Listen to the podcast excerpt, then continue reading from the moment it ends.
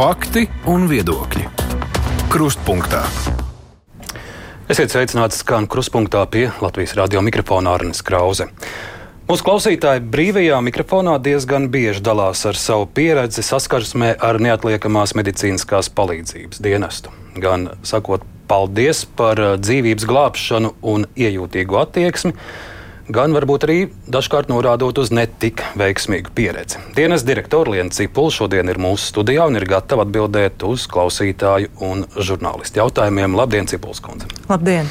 Un man pievienojas arī kolēģi žurnāliste, pat no Latvijas Rādio ziņdienas žurnāliste Zane Eniņa. Sveika, Zane! Labdien! Un arī TVNet žurnāliste Dārdega Leksdiņa. Sveika, Dārdega! Sveiki! Cipuls kundze, es sākšu ar pirmdienu, ar pirmdienas lielo vētru cik intensīvs bija jūsu dienesta darbs, gan sniedzot eh, cilvēkiem palīdzību. Mēs sociālajos tīklos redzējām arī šos diezgan eh, šausmīgos kadrus, kā zemniekiem krusta bija trāpījusi brīdī, kad viņi glāba savu, savu ražu, un, un arī redzējām daudzus ceļus, kur koki bija pāri. Kāda jums bija pirmdiena? Nu, tā ir dienesta darba specifika, ka mēs turpinām darbu neatkarīgi no laika apstākļiem, neatkarīgi no tiem lielajiem izaicinājumiem. Mums bija arī elektrības pārāvuma brigāžu atrašanās vietās, kas prasīja tādu nu, samērā sarežģītu darbu no operatīvās vadības centra. Jāatzīst, ka skatoties uz šiem postījumiem, kas tiešām laikam ir kaut kas neredzēts Latvijai, daudz par to izsakās, ir jāpriecājas, ka mums tomēr tie cietušie nebija tik vairāk, kā tas varēja būt, jo katra šī atlūza, katra katrs koks, uh, nu, viņš uh, potenciāli var radīt uh, draudz dzīvībai tādā lielā vējā. Diemžēl mūsu kolēģis uh, tētis gāja bojā šajā vētrā, viņam uzkrita koks. Tas ir gadījums Daugavpilī. Tas ir gadījums Daugavpilī ļoti emocionāls, uh, tur dienestā strādājošiem mūsu darbiniecei. Uh, bet, nu, jā, tā ir dienesta darba specifika, ka mums ir jābrauc neatkarīgi no tā, vai ir lietus vai gāžās koki, un tā tas arī notika. Tajā dienā izpildījām bijām tuvu tūkstots izsaukumiem visā valstī. No tieši vētras saistītie izsaukumi bija deviņi, kur viens ir gājis bojā un pārējie saņēmuši palīdzību. Kādi jums ir tie algoritmi brīdī, ja nav elektrība? Jums ir stacijās ģeneratori, cik ilgi viņi var uzturēt strāvu? Mums ir vesels plāns, kā mēs rīkojamies atkarībā no tā, kurā vietā tas notiek. Ja tās ir viens lokāls mazais punkts, tad mēs vienkārši pārējām uz rāciju sakariem. Izsaukumi tiek nodoti un viss saziņa notiek par rāciju. Protams, uzreiz iedarbinās vis, visi procesi, kas saistīti ar šīs padeves atjaunošanu. Vienmēr tiek vērtēts tas ilgums potenciāli, cik tas ilgi varētu būt, vai šī avārija pārciešama, un tās ir dažas stundas, vai mums ir jāiedarbina jau smagāki mehānismi, jā, arī ģeneratori ir gatavībā dienestā vienmēr, ja ir elektrības pārāvums. Klimata eksperti, sinoptiķi saka, ka mums ir jārēķinās, ka nākotnē šādas dabas stihijas klimata pārmaiņu dēļ var būt arvien biežāk, vai arī līdz ar to jūs dienestā izstrādājat kādus plānus, nezinu, postošas vētras, lietus gāzes, plūdi zibeņi, kas tika jāsaka, ka mūsu risku novērtējumā dabas katastrofas nu, nav visaugstākajā pozīcijā. Veselības aprūpe visvairāk gatavojās tieši tam, kas ir saistīts ar pandēmijām, potenciālajām nākotnē. Bet, protams, jā, visas situācijas, kas var būt saistītas ar daudz cietušajiem, tās un to starp šāda veida notikumi, tur ir speciāls algoritms un speciālas kārtības, kā mēs tam visam gatavojamies. Un, jā, arvien vairāk mēs runājam par šo gatavošanu gatavību. Ja iepriekšējā laikā tas ikdienas darbs visus vairāk interesē, tad pašlaik visiem ir skaidrs, ka dienestiem ir jāgatavojas arī nopietniem izaicinājumiem. Tostarp mēs runājam arī par militāru, par radioaktivitātes eh, ietekmes eh, kaut kādām lietām. Tā kā jā, eh, gatavības stiprināšana arī šādiem klimata izaicinājumiem noteikti ir mūsu nākotne. Klausītāji, es aicinu arī jūs uzdot jautājumus neatliekamās medicīniskās palīdzības dienesta vadītājai, rakstot no Latvijas radio mājaslapas, atrodot sadaļu kruspunktā, un tad arī jūsu jautājumus es Cipuls kundzei uzdošu, bet tagad vārds arī kolēģiem lūdzu. Man jautājums turpinot to pašu katastrofu tematu, vai uh, dienesta darbinieki ir apdrošināti? Jāsaka, tā, tā atbilde ir diezgan sarežģīta, jo faktiski valsts pašlaik nosaka, ka tiek sekts pacienta līdzmaksājums, saņemot dažādus pakalpojumus, konsultācijas, pacienta iemaksas. Arī valsts sedz mums ar mūsu dienesta apliecību, bet, diemžēl, jāsaka, tā pieejamība pakalpojumiem ir neapmierinoša, un mēs jau vairākus gadus apspriežam to, ka dienestā būtu nepieciešama papildus veselības apdrošināšana. Šajā gadā esam iekļāvuši prioritārajos pasākumos saņēmusi arī pieprasījumu, finansējumu pieprasījumu, ja nu gadījumā atrastos tam finansējums un griba. Tā ir ļoti būtiska sadaļa, ne tikai runāt par veselības apdrošināšanu, mēs arī jau kuro gadu strādājam pie psiholoģiskā atbalsta nodrošināšanas. Arī tam mums, diemžēl, dienestā nav finansējuma. Esam gan normatīvo regulējumu sagatavojuši, gan noslēguši sadarbības vienošanos ar iekšlietu ministrijas centru, kas nodrošina policistiem šo atbalstu, bet arī tam mums vajadzīgs finansējums.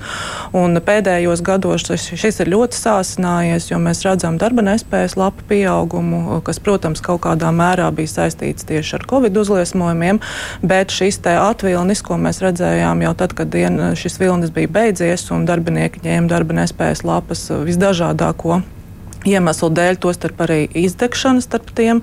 Jāsaka, mums ir jāstrādā un jācer, ka mēs tiksim atbalstīti papildus pasākumiem, lai uh, darbinieki šī labbūtība dienestā celtos un tas, ka viņi ir gatavi strādāt un turpināt strādāt šo darbu, uh, mums ir jāiegulda tajā. Bieži izskan, ka kadra mainība ir liela. Kas tad gal galā ir tie cilvēki, kas atbrauc pie pacienta neatliekamās medicīniskās palīdzības mašīnām? Jāatzīst, ka kadru mainība, godīgi sakot, nav uh, liela to iemeslu dēļ, uh, ka mums nav kaut kāds pamatdarbinieks, uh, kas ir ārstu palīgi. Tie mums diezgan labi uh, dienestā pieturās. Mūsu kadru mainību ietekmē divi ļoti lieli faktori. Viens no tiem ir izdienas pensijas, uh, kas tiešām nu, nu, vienmēr mums katru gadu ir cilvēki, kas uh, izdienas dēļ atstāja darbu dienestā. Un otra ļoti nozīmīga sadaļa, kā mēs sakam, esam dienestā kadru kalve, un uh, mums strādā ļoti daudz tie, kas mācās studenti, un arī viņu mainība nepārtraukti to kopējo mainību ietekmē. Jāsaka, mēs esam pēdējos gados strādājuši diezgan čakli pie tā, lai mazinātu šo te, un, un, un tas mums arī izdodas. Arī mums vakanču skaits mazinās. Runājot par to, kas brauc brigādēs, jā, ir noticis tas lielais mm, lūzuma punkts, teiksim tā, ka mēs esam no brigādēm, kur strādā arī ārsti, pārsvarā pārgājuši uz brigādēm, kā, kurās strādā ārstu palīgi. Visas brigādes vada certificētas ārstniecības personas, certificēta ārstu palīgi, tieši neatliekamajā medicīnā certificēti. Un, uh, mums ir dienestā brigādes, kas tiek komplektētas uh, atbalsta nodrošināšanai, kurās strādā ārsti neatliekamā medicīnā certificēti, reanimatologi, anesteziologi, reanimatologi, kardiologi. Un tātad tas princips, kā mēs pašlaik darbojamies, jā, pamata brigāde, pamata sastāvs ir ārsta palīga brigāde un ir ārsta brigādes pieejamas tiem gadījumiem, kad ir vajadzīga augstāka līmeņa palīdzība. Um, runājot tieši par brigādēm, brigāžu skaitu, tagad uh, gaidāmā tā slimnīcas reforma, vai tas ietekmēs brigāžu skaitu, vai tas teiksim, palielinās darbinieku trūkumu? Brigāžu skaits stingri noteikts arī mūsu budžetā ar finansējumu. Faktiski brigāžu palielināšana, ja mums būtu par to jārunā, nozīmētu papildus finansējumu pieprasīšanu. Iepriekšējā laikā esam daudz vērtējuši brigāžu nosagumu, brigāžu attīstīšanas tīklu, un tas, ko mēs vairāk redzam un pie kā mums ir jāstrādā, tad, šī dažāda sastāvā brigāžu veidošana, ko dara arī citvieta Eiropā. Mums šis ir divu un trīs personu brigādes Eiropā, ja runā jau par vienu cilvēku cilvēki, kas var doties, jo galvenais uzdevums ir pēc iespējas ātri nonākt izsākuma vietā, un, un tur mums ir arī stingras prasības no valsts, kādā laikā tas ir jāizpilda. Ja mēs runātu par šo prasību uzlabošanu, palielināšanu, tad noteikti mums ir jārunā, ka šo brigāžu pieejamība ir būtisks aspekts, bet ne tikai pašu šo brigāžu skaits, bet arī tas, kam un kādiem mērķiem mēs šīs brigādes novirzam un kādos darbos viņas ir aizņemtas. Nu, tas ir tas lielais jautājums, kā koordinēt izsaukumu skaitu. Nenoliedzami eh, gari hospitalizācijas ceļi m, samazina brigādes pieejamību. Līdz ar to eh, šajā plānā, eh, kas tika gatavots ministrijā, mūsu galvenais uzdevums bija iekļaut papildus rīcības, neatliekamās palīdzības stiprināšanai reģionos, kas arī tika iekļauts šajā plānā lai mūsu šie tie ceļi, kad mēs vedam pacientu uz stacionāriem, saīsinātos un mēs varētu ātrāk nogādāt uh, tuvāk pacientam šo te, noteiktos gadījumos un tālāk pārvest, ja tas ir nepieciešams. Es papildināšu kolēģis jautājumu, jo mums otrdien šeit kruspunktā bija garāka diskusija par jauno slimnīcu tīkla reformu. Un mēs runājām arī tieši, kas mainīsies neatliekamās palīdzības dienesta darbā. Līdz šim slimnīcās ir uzņemšanas nodaļas, saskaņā ar plānu tās sauc par neatliekamās palīdzības nodaļām. Ko tas mainīs pacientiem, ko tas mainīs jums? Jo es sapratu, ka, ka būtiski var mainīties arī tas veids, cik tālu jūs braucat, uz kurien jūs braucat. Par šo izstāstiet.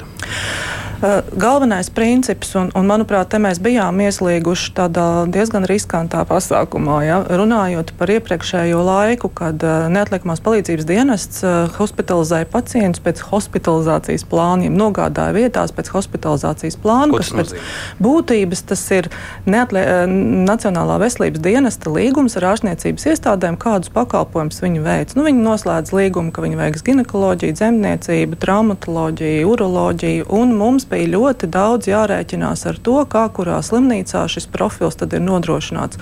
Un nu, atsevišķos gadījumos jums ir Jālgavā, bet tādēļ, ka tur ir kaut kas tur tā, viņš jāved ir uz jā, dobeli, mēs, ja? mēs vedam kaut kur vai nu tālāk vai uh, garām kādām slimnīcām, kur šis profils nav, lai gan pēc būtības pacients vēl prasās pēc izvērtēšanas, pēc tādas stabilizēšanas un sapratnes, vai tiešām viņam ir vajadzīga vispār tik augsta līmeņa šī palīdzība. Nu, Vispilgtāk to varbūt ilustrē šī, te, piemēram, urīna katetra, ja, kas eh, veciem kungiem eh, ik pa laikam ar tādiem jāsadzīvo. Eh, it kā pa manipulāciju nomainīt šo katetru ir salīdzinoši vienkārši, ko var izdarīt jebkurā ārstniecības iestādē, ko nedrīkst darīt brigāde, bet mums ir jānogādā šis kungs tajā vietā, kur ir uroloģijas profils. Un tas uroloģijas profils toties ir diezgan maz vietās. Līdz ar to veidojās situācija, ka mēs tā kaskadējoties devāmies citreiz pat līdz Rīgai ar salīdzinošu, nu, varbūt vienkāršu problēmu. Tas, kas pašlaik tiek virzīts, un kas ir ļoti uh, faktiski universāls princips arī vispār neatliekamās palīdzības sistēmās Eiropā, uh, ka neatliekamās palīdzības brigādes ved uz tuvāko ārstniecības iestādi. Un tur tālāk tiek pieņemts lēmums, vai šis pacients ir salīdzinoši, um, var dabūt vienkāršu palīdzību turpat uz vietas, vai viņš tālāk ir pārvedams jau uz augstāku līmeņa stacionāru. Un pēc būtības mums arī tas darbojas Latvijā. Mēs katru dienu veicam 60, 70 pārvešanas starp slimnīcām, uh, lai pacients nonāktu sev atbilstošākajā vietā. Bet no nu, iepriekšējais laiks rādīja, ka mums uh, diezgan daudz bija jārēķinās tieši ar ārsta palīgu uzstādīto to jautājumu diagnozi. Nu, tad bija reizes, kad slimnīca teica, mums šis profils nav, brauciet tālāk, kas nav pareizi. Viņiem visdrīzāk šo pacientu tomēr jāapskata. Un tas ir tas, pie kā mēs pašlaik strādājam, un kas ir ļoti būtisks šīs uh, slimnīcu līmeņošanas plāna sastāvdaļa, lai nebūtu vairs tā, ka mums ir jārēķinās ar visiem tiem profiliem, ļoti sarežģīta hospitalizācija. Mēs vienkārši vedam uz tuvāko slimnīcu, tur atrodas neatliekamās palīdzības sniegšanas nodaļa, un tajā jau tiek pieņemts lēmums, kas ir visatbilstošākais pacientam došu vārdu arī kolēģiem. Tik atcerējos, otrdien brīvajā mikrofonā zvanīja kāds kungs šķiet no Jālgavas, un viņš teica, viņam arī bijusi saskarsme ar neatliekamo palīdzību. Un viņš uh, vienmēr tiek vests uz Jālgavas slimnīca, lai gan, lai gan viņš mudināja, ka viņam, nu, viņš vēlētos uz stradiņiem, un viņam esot teikt 67 eiro, un lūdzu braucam uz stradiņiem. Jā, šis ir ļoti labs jautājums, un man ir iespēja paskaidrot. Tātad um, pēc hospitalizācijas plāna mums ir jānogādā pacients tuvākajā atbilstošākajā iestādē, un tas ir tāpēc, lai pēc iespējas ātri pacients nonāk pie ārsta un pēc iespējas ātri brigāde atbrīvojas, un uz tā viss ir būvēts tas tīklojums valstī. Tas, kāpēc mēs to varam izdarīt par samaksu ir pacientu tiesību likuma jautājums. Pacients drīkst tomēr izvēlēties, kur viņš grib ārstēties. Tādā gadījumā mums ir jāved viņš uz nākamo tuvāko ārstniecības iestādi, un par to viņam ir jāsamaksā. Tas ir maksas pakalpojums, ko dienests ir tiesīgs sniegt, ja vien mums ir tāda iespēja. Kāpēc tas tā tiek organizēts, ir pilnīgi skaidrs. Ja visi Daugopilī vēlēsies nokļūt Rīgā, tad diez vai mēs varēsim norganizēt savu darbu un rēķināties ar brigāžu pieejamību Daugopils novadā. Tātad, jā, pacientam tuvākā iestāde, tas ir princips, un tālāk, protams, pacients pirmkārt var izvēlēties un doties uz citu ārstniecības iestādi, bet dienests viņu aizved uz tuvāko. Vai, vai jūs redzat, ka šis slimnīcas līmeņošanas plāns kaut kādā veidā atrisina nepamatoto izsaukumu uh, problēmu? Vai, nu, respektīvi, tagad ir ļoti daudz nepamatot izsaukumu. Varbūt tādos gadījumos, kad pacients varētu iztikt ar ģimenes ārsta palīdzību, viņš vēršas jūsu dienestā. Vai tas kaut kā vairos izpratni vai mazinās šo jūsu darba aspektu? Tiešā veidā tam nevajadzētu ietekmēt, jo dienests dodas uz neatliekamiem izsaukumiem un tad vērtē, kur, kur ir tie izsaukumi, kuriem mēs dodamies, kur ir tie izsaukumi, kur mēs sniedzam konsultāciju un novirzām pacientus citviet. Tas, kas var risināt šo te. Mm, ne neatliekamo, nepamatots izsaukums. Drīzāk arī nav pareizs vārds, jo cilvēkam visdrīzāk ir kāda medicīniska problēma. Viņam vienkārši nav neatliekama situācija. Uh, to var risināt tikai stiprinot pieejamību primārās aprūpes, ambulatorā pakalpojumu pieejamību, dežūrā ārstu pieejamību, trauмкtu pieejamību. Uh, tas ir tas, kas var ietekmēt. Uh, konkrēti šis plāns um, īstenībā uzlabot varētu šo pieejamību arī reģionos, jo ja mēs stiprinām šīs palīdzības palīdzības saņemšanas vietas. Tas tīklojums pastiprinās arī iedzīvotājiem ir vieglāk pašam nonākt uz savu tuvāko slimnīcu nekā meklēt transportu, lai nonāktu piemēram uz reģionālo slimnīcu. Un šis ir ļoti būtisks aspekts arī uh, iedzīvotāju pieejamībai uh, dažādiem pakalpojumiem. Gribu uzsvērt, ka šīs neatliekamās palīdzības nodaļas uh, nav domātas tikai kā tieši dzīvības glābšanas nodaļas. Tās būtu vietas, kurās notiktu pacientu šī padziļinātā izvērtēšana ārstēšana un arī steidzamās palīdzības nodrošināšana. Nu, jebkura brūces sašūšana vai ērces izvilkšana, vai ja ir tiešām pēkšņi kaut kāda veselības stāvokļa pasliktināšanās kroniskam pacientam, viņš var doties uz šo nodaļu un tur tad izvērtētu tieši ārsts.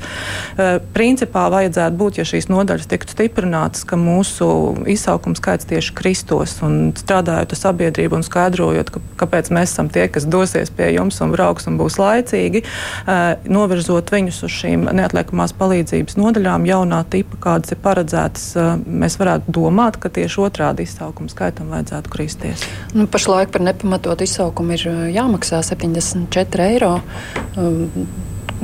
Kas tā, kas tā vispār ir par summu, un, un vai tā veido kaut kādu daļu no jūsu budžeta pēc tam, kas ar šo naudu notiek? Uh, jā, tas nav, tā nav maksa par nepamatotu izsaukumu, tas ir maksas pakalpojums, ko cilvēks var izvēlēties saņemt.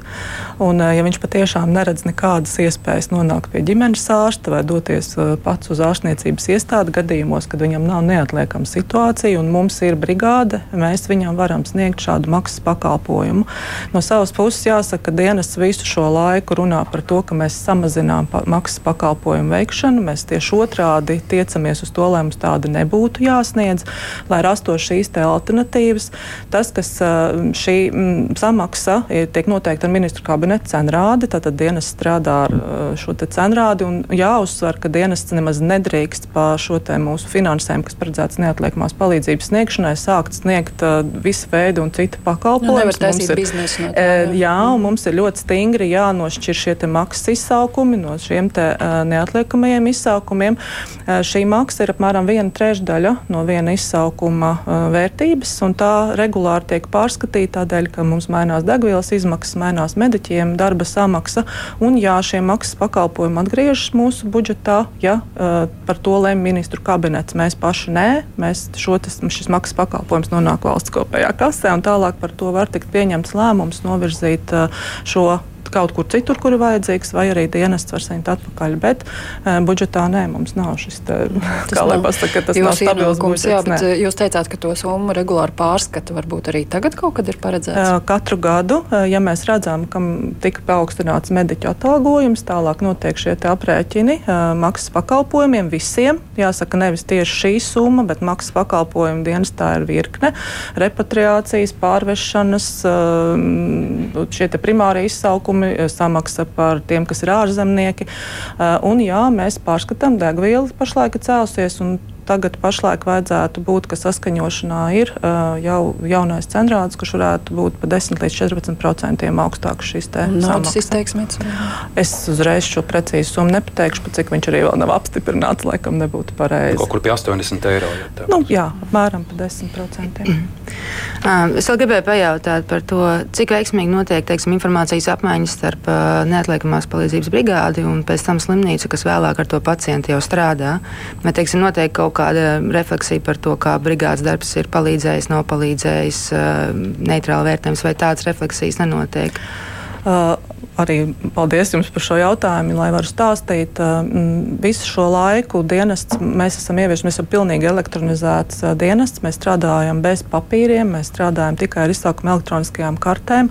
Mums ir ļoti svarīgi saņemt atpakaļ atgrieznisko saiti no slimnīcām. Pirmā saita mums parasti ir šīs neatliekamās medicīnas centri, kur ārsti mums ziņo par gadījumiem, varbūt, kas ir pacienta drošības karoši, ja kāda problēma ir radusies vai pacienta nodošanā, vai tieši mēs arī izstrādājam pašlaik pašlaik algoritmu sevišķi smagu pacientu nodošanai, kādā veidā var notikt šī pārņemšana. Slimnīca, piemēram, jau nāk no, no, no mašīnas, jau uzsāk atbalstu sniegšanu brigādē, jo pacienti ļoti smagos stāvokļos tas tiešām ir sarežģīti pārņemšanas šo procesu organizēt. Bet mēs strādājam pie tā, lai visas slimnīcas slēgtos vienotā tīklā ar dienestu pie šīs EMI mūsu programmas, jo jau virkni slimnīcu, kā Daugopils, Cēsis, bērnu slimnīca ir pieslēgušies, un te ir jau darbs notiek tādā ļoti augstā līmenī, ka slimnīca redz, kad mēs tuvojamies ar pacientu, viņi jau redz pacienta stāvokli, viņi redz, tātad, kādi medikamenti tiek ievadīti, viņi zina, kurās, kurā minūtē pacients piebrauks pie slimnīcas durvīm, un pēc tam jau tās diennakts laikā mēs varam saņemt atgrieznisko saiti no neatliekamās uzņemšanas nodaļas par to, kas tad ar pacientu ir noticis, vai viņš ir stacionēts vai nav, un kāda diagnožu sakritības. Ja mums izdosies pieslēgt šim tīklam, tīklojumam īsā laikā, jo mēs plānojam ar ministrijas atbalstu to darīt visas slimnīcas, tad šī atmiņas saita uzlabosies, un tas ir ļoti svarīgs dienesta darba kvalitātes uh, aspekts. Man ir vēl jautājums par rudeni. Nu, nāk rudens, varbūt atsāksies atkal Covid. Kāds ir jūsu, kāds ir jūsu prognozes? Vai jūs gatavojaties kaut kā īpaši? Nu, pat Rīgā bija vasarā liela virusologu konference, un tur izskanēja, ka tas tikai laika jautājums, kad būs nākamā pandēmija. Eh, es noteikti nevaru izteikt prognozes, jo tā nav mana eh, darba specifika. Ar to nodarbojas epidemiologi, un mēs esam ciešā saskarsmē visu laiku ar slimību profilakses kontrolas centru, lai par kādu infekciju būtu runa, vai tas ir covid, vai pērtiķu bakas, vai, vai, vai gripa. Eh, arī tiek izsludināti attiecīgi epidemioloģiskie režīmi valstī. Visdrīzāk, ja tas atkal mūs skars, atkal tiks izziņota epidēmija, vai nu tā ir gripa, vai nu tas ir covid, jāsaka, ka uz šo brīdi dienas dienests noteikti ir pulku gatavāks visdažādākajiem izaicinājumiem, kas saistīti ar infekciju slimībām. Covid mums ļoti daudz iemācīja par to, kā ir jāorganizē darbs. Mums ir virkne papildu procesu, kas ir izstrādāti. Mums ir arī ieviesta dekontaminācijas sistēma gan slimnīcās, kur mēs varam veikt šīs dekontaminācijas darbības, gan arī dienestā iekšēji no, iegādājušies. Esam papildus vagoniņus, ja, kuros mēs varētu virkni procesu veikt. Mums ir šīs kapsulas pacientu pārvadāšanai. Jāsaka, pandēmija ir ārkārtīgi nopietnas. Katra pandēmija ir ārkārtīgi nopietnas izaicinājums uh, visām sistēmām, jo mēs nekad nezinām, kāda būs šīs pandēmijas specifika. Bet paralēli, protams, visu šo laiku gatavojamies arī izaicinājumiem, kas saistīti ar ķīmiskajiem aģentiem, ne tikai bioloģiskiem, ķīmiskiem, radiāciju, uh, jo šī gatavība uh, ir jāstiprina visos šajos aspektos, un pandēmija ir viena no tām. Iesaistīsim arī klausītājus, viņu jautājumi. Labdien! Sakiet, vai joprojām cilvēki, kas netiek pie ārsta uz izmeklējumu, notālo beigtu, un tad pie ārsta tiek ātrāk. Es pats tā esmu darījis, un tas tiešām strādā, godīgi atzīst viesturs. Nu, jāatzīst, ka, protams, ja tas pacients izmanto šādu iespēju, mēs nevaram nereaģēt uz izteiktajām sūdzībām. Ja viņš kaut ko pietēlo, mēs noteikti vedam diagnozes precizēšanai uz ārstniecības iestādi. Tur ir visdrīzāk jārada mehānismi, kādā veidā varbūt to vajadzētu ierobežot, jo tas, protams, pasliktina pieejamību tiem pacientiem, kam patiešām ir tajā brīdī tas lielais izaicinājums un jāglāb dzīvība. Bet kokam ir divi gali, tas ir jautājums arī par šo šo te ambulatoro diagnostisko pakalpojumu pieejamību, laboratorijas pakalpojumu pieejamību. Un, jā, cilvēki katrs risina kā mākas, protams, nav atbalstāms. Te arī garāk vēstule no Artūra. Labdien! Slikta saskarsme ir bijusi ar Jēkabpils slimnīcu. Traumu iegūta 13 km no Jēkabpils, bet man aizved uz Madonu. Jautrība sākās ar to jautājumu asiņām, kāpēc uz Madonu atbild bija Jēkabpilī nav traumatologa, bet cik zinu, Madonā sen traumatologa nedežūrē. Kad man aizveda Madonas uzņemšana, uzņemšanā, tika ziņots, ka Jēkabpilī ir dežūrējošais traumatologs. Ķirurgs man izvērtēja un atļāva atkal pārvest uz Jēkabpili. Bardaks, tā raksta Artūrs. Jā, eh, es teikšu, ka ar šīm divām slimnīcām ir bardaks, ja tā var teikt, eh, jo eh, tur ir regulāri problēmas tieši ar traumatoloģijas profilu.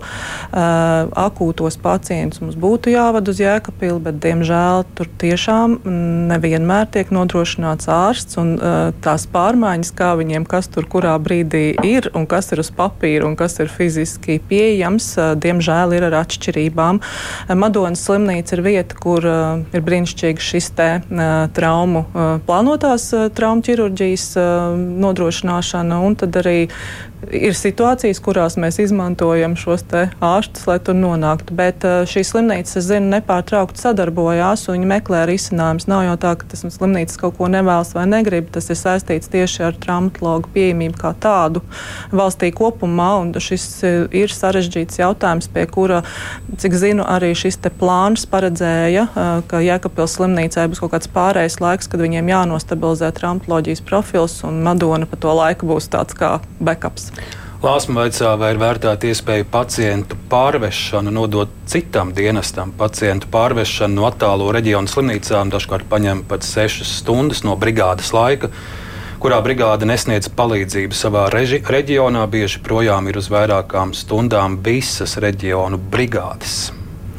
Kas attiecas uz neatliekamo palīdzību, eh, tad eh, mēs esam vienīgie, kas nodrošina šīs pārvešanas, ja tās ir pārvešanas, kas ir no zemāka līmeņa slimnīcu uz augstāku, un parasti ir saistīts ar to, ka ir vajadzīgs ļoti nopietnas atbalsts eh, šajā ceļa laikā, un faktiski dienests ir vienīgais, kas to spēj nodrošināt. Vienmēr tiek vērtēts, vai pacientu var pavadīt ārstu palīgu brigāde, vai tam jāpiesaista ārstu brigāde, vai arī mums ir no Rīgas jāsūta specializētais medicīnas centrs, kur jau ļoti augsta līmeņa ārsti nodrošina šīs pārvešanas. Tas, par ko varbūt vajadzētu runāt, ir šīs mazāk nopietno pārvešanu, jeb pārvešanu no augstāka līmeņa uz zemāku, un to jau labu laiku iedzīvina caur Nacionālo veselības dienas novirzītais finansējums, ka to veids vai nu pati slimnīca uz zemāku līmeni pārvadot pacientus, vai arī tiek apmaksāti pakalpojumi no privātiem sniedzējiem. Bet neatliekamās situācijās dienests viennozīmīgi pašlaik ir vienīgais, kas spēj nodrošināt šāda veida tīklojumu, brigāžu pieejamību un kvalifikāciju. Man jautājums, agrāk intervējot dienesta pārstāvis, man radies priekšstats, ka Nu, dienests redz arī nu, tās visas mūsu sociālās problēmas, dzīves ēnas puses. Jūs redzat traumas, avārijas, paškaitējumus, pašnāvības, ne tikai pacientus, kuriem katedras jānomaina. Narkomāniju. Narkomāniju. Varbūt tagad ir kaut kāda jauna tendence novērot, ka tieši pēdējā laikā ir parādījusies varbūt um, sliktās ekonomiskās situācijas dēļ. Varbūt, varbūt ir kaut kas tāds jauns. Nu, jāsaka, ka šie sociālai Mm, tipa izsaukumi tie ir raksturīgi visiem neatliekamās palīdzības sniedzējiem visā Eiropā un pasaulē. Tā nav Latvijas unikalitāte. Eh, tas, kas mums varbūt nestrādā tik labi, kā vajadzētu, šī te, eh, sazobe ar sociālajiem dienestiem, vai nav tādu faktiski dienestu, kurus var piesaistīt. Un tas bieži vien rāda situācijas, kad mums eh, ir jāpieņem lēmums, piemēram, ka bērni, kurus jāizņem no ģimenes, no sākuma tiek vesti uz slimnīcu, un tad, kamēr tur tas sociālais, tas, tas ir aspekts, ko mēs novērojam. Jā, pēdējā gadā izsaukumi, piemēram, narkomā, ar narkomāniju saistītiem izsaukumiem, tie ir pieauguši. Ir arī pieauga arī šis smagums izsaukuma un tas, cik daudz mums jālieto medikamentu, esam jau to minējuši. Es neesmu piebildījušies no jūsu kolēģiem. Vienā no televīzijas sižetiem redzēju, ka ir kāds speciāls pretzāles vai kas, ko brīdī, kad šis cilvēks ir narkotiku iespējā dod. Un, un, Un jūs kolēģis teica, ka nu, ļoti ātri šīs zāles jums beidzas, šīs ampulas jums beidzoties, kas parāda to mērogu cik šīs smagās, bīstamās narkotikas ir ienākušas? Viennozīmīgi. Um, naloksonis, tas ir antidots, tad mēs viņu lietojam ar vien vairāk, šīs narkotikas patiešām tik spēcīgas. Ja agrāk tās bija 4-5 ampulas, tagad jau tuvojas 10 ampulām uz vienu situāciju, lai glābtu dzīvību. Nevienmēr arī izdodas. To, to mēs redzam, ka tas ir tas, kas vēl jāatzīmē. Protams, daļu no mūsu izsaukumiem, kuri nav neatliekami, veido arī vientuļi veci cilvēki, kuriem diemžēl nav nodrošināts pietiekams atbalsts ikdienā, nav nodrošināts nodrošināti medikamenti, viņš ir vai nu pats aizmirsis, vai, vai, vai nemāk lietot. Tas, protams, ir. Eh, bet te, tie ir jautājumi, ar kuriem ir ilgtermiņā jāstrādā. Noteikti mēs eh, ceram, ka izdosies uzlabot šo sadarbību ar pašvaldībām, jo daudz tie sociālie jautājumi ir eh, pašvaldību līmenī. Mēs esam valsts iestāde, pašvaldību ļoti daudz, un ar katru faktiski ir jāveic atsevišķs darbs, kādā veidā mēs varētu nodrošināt pacientiem kādu um, tiem, tiem tiem, kas ir saistīti sociālām indikācijām, atbalstu. Nav tāda vienota sistēma, kur mēs vienkārši kā dienas ziņojam, ka mēs varam atstāt to, mm, es atvainojos, vecmāmiņu mājās un zinot, ka viņai pēc divām stundām vai nākamajā rītā atnāks kāds, kas uh, tiks ar viņu galā. Tā gan ir liela, liela problēma, bet es domāju, ka. Uh, tuvākā laikā grūti risinājumi, jo tas noteikti būtu dažādu veidu papildu finansējums, jo tie procesi ir jāiedzīvina, jāiedarbina, kamēr tas nav papildus slodze veselības aprūpas sistēmai no tā veidojas. Nu, Covid laikā ļoti daudzi līdz ar attālināto darbu pārcēlās dzīvot perifērijās un arī dziļos laukos. Vai tas kaut kādā veidā nav jūsu darbā jūtams, ka grūtāk sasniegt pacientus? Nu, jā, esam diezgan daudz runājuši par to, ka Latvijas ceļi nav labi iekārtoti priekš, priekš tādas uh, kvalitatīvas piekļuves pacientam visdažādākajās situācijās. Sevišķi, ja runājam par tiešām attāliem ceļiem caur mežiem, kur mums jābrauc. Bet, uh, Tas ir tas, pie kā mēs gada, pēdējos gadus strādājam, gan lauku reģionos, gan Rīgā, neatkarīgi no tā, kur brigāde atrodas. Viņai būs 4x4 piedziņa, lai mēs varam doties. Mums ir izstrādāts algoritms, kā mums palīdz valsts ugunsdzēsības glābšanas dienests. Regulāri mēs puišus saucam, atbalstam gan nokļūšanai pie pacienta, gan pacienta izvešanai no, no dažādām sarežģītām vietām. Un, un, nu, tas ir mūsu ikdienas arī darbs kamēr būs tāda ceļa, kāda viņi būs, mums ir jābūt risinājumiem. Jāsaka gan, ka neviens pacients dēļ tā bez palīdzības nav palicis. Mēs vienmēr braucam un arī vētrā devāmies pa visiem ūdeņiem, peļķēm pie pacientiem un sniedzām palīdzību. Vēl jautājums. Jūs iepriekš minējāt, ka jums ir tas uh, plāns uz pāriešanu, kur cil divi cilvēki strādā brigādē. Vai tas nav par maz? Jo, teiksim, pirmajā brīdī iedomājieties tikai divi cilvēki, tur var būt problēmas, kad ir jāpārvieto cilvēks, varbūt kaut kādi negaidīti šķēršļi palīdzības sniegšanai, kāda ir pieredze ar to? Divu cilvēku brigādes ir absolūts standarts Eiropā. Faktiski trīs cilvēku brigādes tiek novirzītas uz īpaši smagajiem izsaukumiem, un ļoti daudz, kur strādā brigāde arī viena cilvēka sastāvā, jo pats galvenais ir ātrums, lai ierastos pie pacienta. Uh, ārsts vai ārst, ārstniecības persona, kurš spēja nodrošināt šo neatliekamās palīdzības uzsākšanu. Jo tas, ka viena brigāde nevar nodrošināt kvalitatīvu kardiopulmonāro reanimāciju ilgstoši, tas ir skaidrs. Tur ir vajadzīgi vairāk, tāpēc pastāv algoritmi, kā uz noteiktiem izsaukumiem dodas nevis viena brigāde, bet divas un pat trīs brigādes. Jo tam jau mēs arī uzturam šo dienestu, lai glābtu šo vienu dzīvību. Esam gatavi tam novirzīt desmit. Mēs neesam gatavi gatavi novirzīt desmit brigādes izsaukumiem, kas nav neatliekami. Līdz ar to šis darbs pie tā, ka strādāsim divu cilvēku sastāvā pilsētās, būs, es domāju, pavisam tā ikdiena ar laiku, tāpat kā tas ir lielākā daļā Eiropas valstu. Lauku reģioni mums ir īpaši izaicinoši, jo mums ir jā, brigādes jāuztur tomēr trīs cilvēku sastāvā, tur ir tālāk ceļi, tālākas attāluma un atbalsta sniegšanas iespējas, bet mums vienlaikus arī jāapzinās, mums ir vietas, kur trīs cilvēki strādā strādā un izpilda vienu izsaukumu trijās dienās. Un ir vietas, kur mums brigādes nav. Tātad mums būs jāstrādā pie tā, ka noteiktos uh, reģionos iespējams atkal jāpāriet uz divu cilvēku sastāvu, lai novirzītu cilvēkus vietās, kur mums ir vajadzīgas brigādes. Un tas process ir uh, jāsaka at atkal neatliekamās palīdzības sistēmas. Viņas ārkārtīgi mainās, visu laiku pielāgojās ap savu galveno mērķi būt ātrākiem. Un, pēc Covid pašlaik ļoti daudz valsts ievieš šīs saucamās izlūkbrigādes, lai mazinātu šo pamat sastāvā esošo brigāžu, trīs cilvēku brigāžu virzīšanu uz katru izsaukumu, lai pārliecinātos, vai tur vajag palīdzību. Tiek virzīts viens cilvēks, kurš aizbrauc, izvērtē un, ja vajag, tad pies, piesauc tālāk klāt. Tad, tad cilvēku sastāvam vienā brigādē nav tik liela nozīme kā sistēmai, kas tiek uzbūvēta, kā loģistikai, kas tiek sakārtot, kā algoritmiem, kas tiek izveidoti. Un, jā, tas ir ļoti sarežģīts skaidrojums, varbūt valstī, kur bija ļoti pierasts pie tā, ka strādājām, strādājām trietā. Lai gan tas bija ļoti īsts brīdis, kad bija šī prasība. Divi tā strādāja arī pirms vēl es ienācu dienestā. Vēl no klausītāja jautājumiem.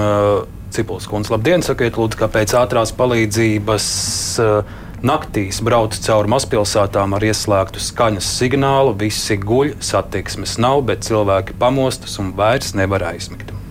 Jā, bet uh, es vēlreiz gribu uzsvērt, uh, tātad dienests uh, drīkst lietot, uh, drīkst pārkāpt ceļu satiksmes noteikumus tikai lietojot gan bākugunis, gan skaņas signālu. Tas ir nopietns brīdinājums visiem pēc kārtas jāsaka gan šoferiem, gan gājējiem, gan velobraucējiem, gan dzīvniekiem naktī.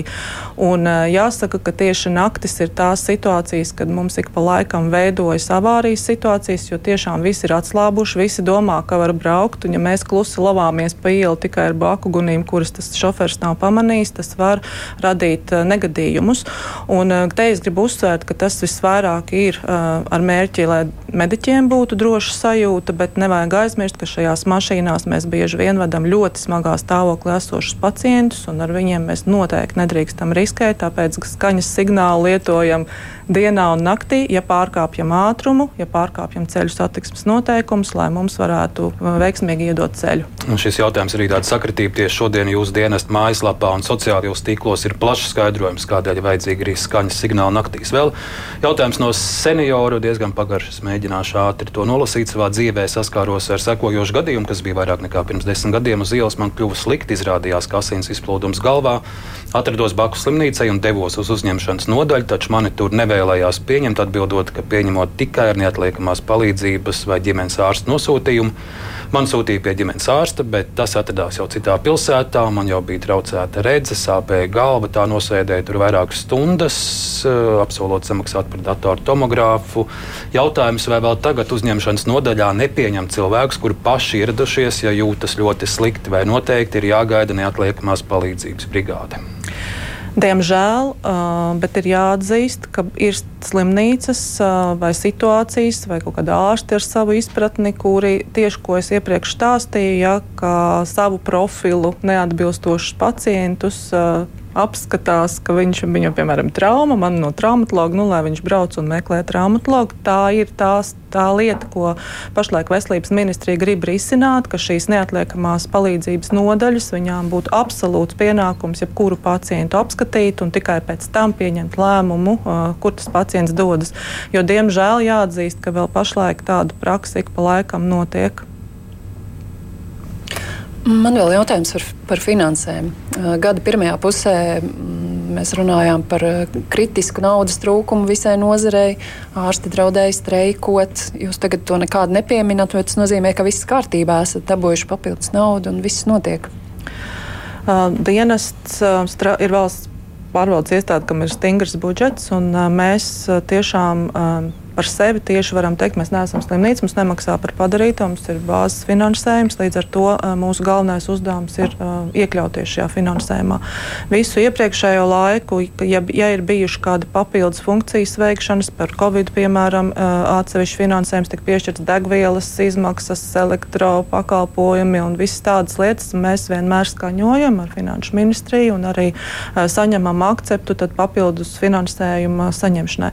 Pašlaik jāsaka, ka um, gan degviela, gan attiecībā uz atalgojumu dienests izpilda budžetu. Mēs ļoti stabili jūtamies, mēs ļoti smalki kontrolējam savus procesus, lai nepārtērētu. Bet, protams, katra tāda ārēja ietekme, kā piemēram degvielas sadārdzinājums, ir jāvērtē. Ja tas ir objektīvs, mēs kā valsts iestāde saņemam papildus finansējumu. Un vēl divi jautājumi no klausītājiem. Dzīvojam laukos, pagastā, kur ir neatliekamās palīdzības dienesta postenis. Ģimenes ārsta praksa atvērta darba dienās tikai dažas stundas, vai varam doties pie neatliekamajiem un lūgt medicīnisko palīdzību, piemēram, lai izņemtu tērci vai apstrādātu akūtu brūci kaut par maksu? Nē, Šī brigāde atrodas noteiktajā vietā, lai būtu pieejama neatliekamajam izsaukumam. Un es tikai gribētu ilustrēt, cilvēks ienāk izņemt ērci, brigāde sāk ar to darboties, viņš ir novilcis bikses vai, vai, vai, vai kreklus un visas lietas, un mēs saņemam izsaukumu. Tad iedomājieties to situāciju, kā, kā brigādē nodrošināt ātru došanos izsaukumā. Tātad nē, mēs neesam paredzēti arī tad, ja brīvi izskatāmies šādiem pakalpojumiem. Un no Jāņa garāks jautājums arī lūdzīs atbildes sveiki. Mans jautājums dienestu vadītājai, kā vadītāja vērtē ārstniecības likuma 68. pantu otro daļu - psihiatriskās palīdzības sniegšana bez pacienta piekrišanas.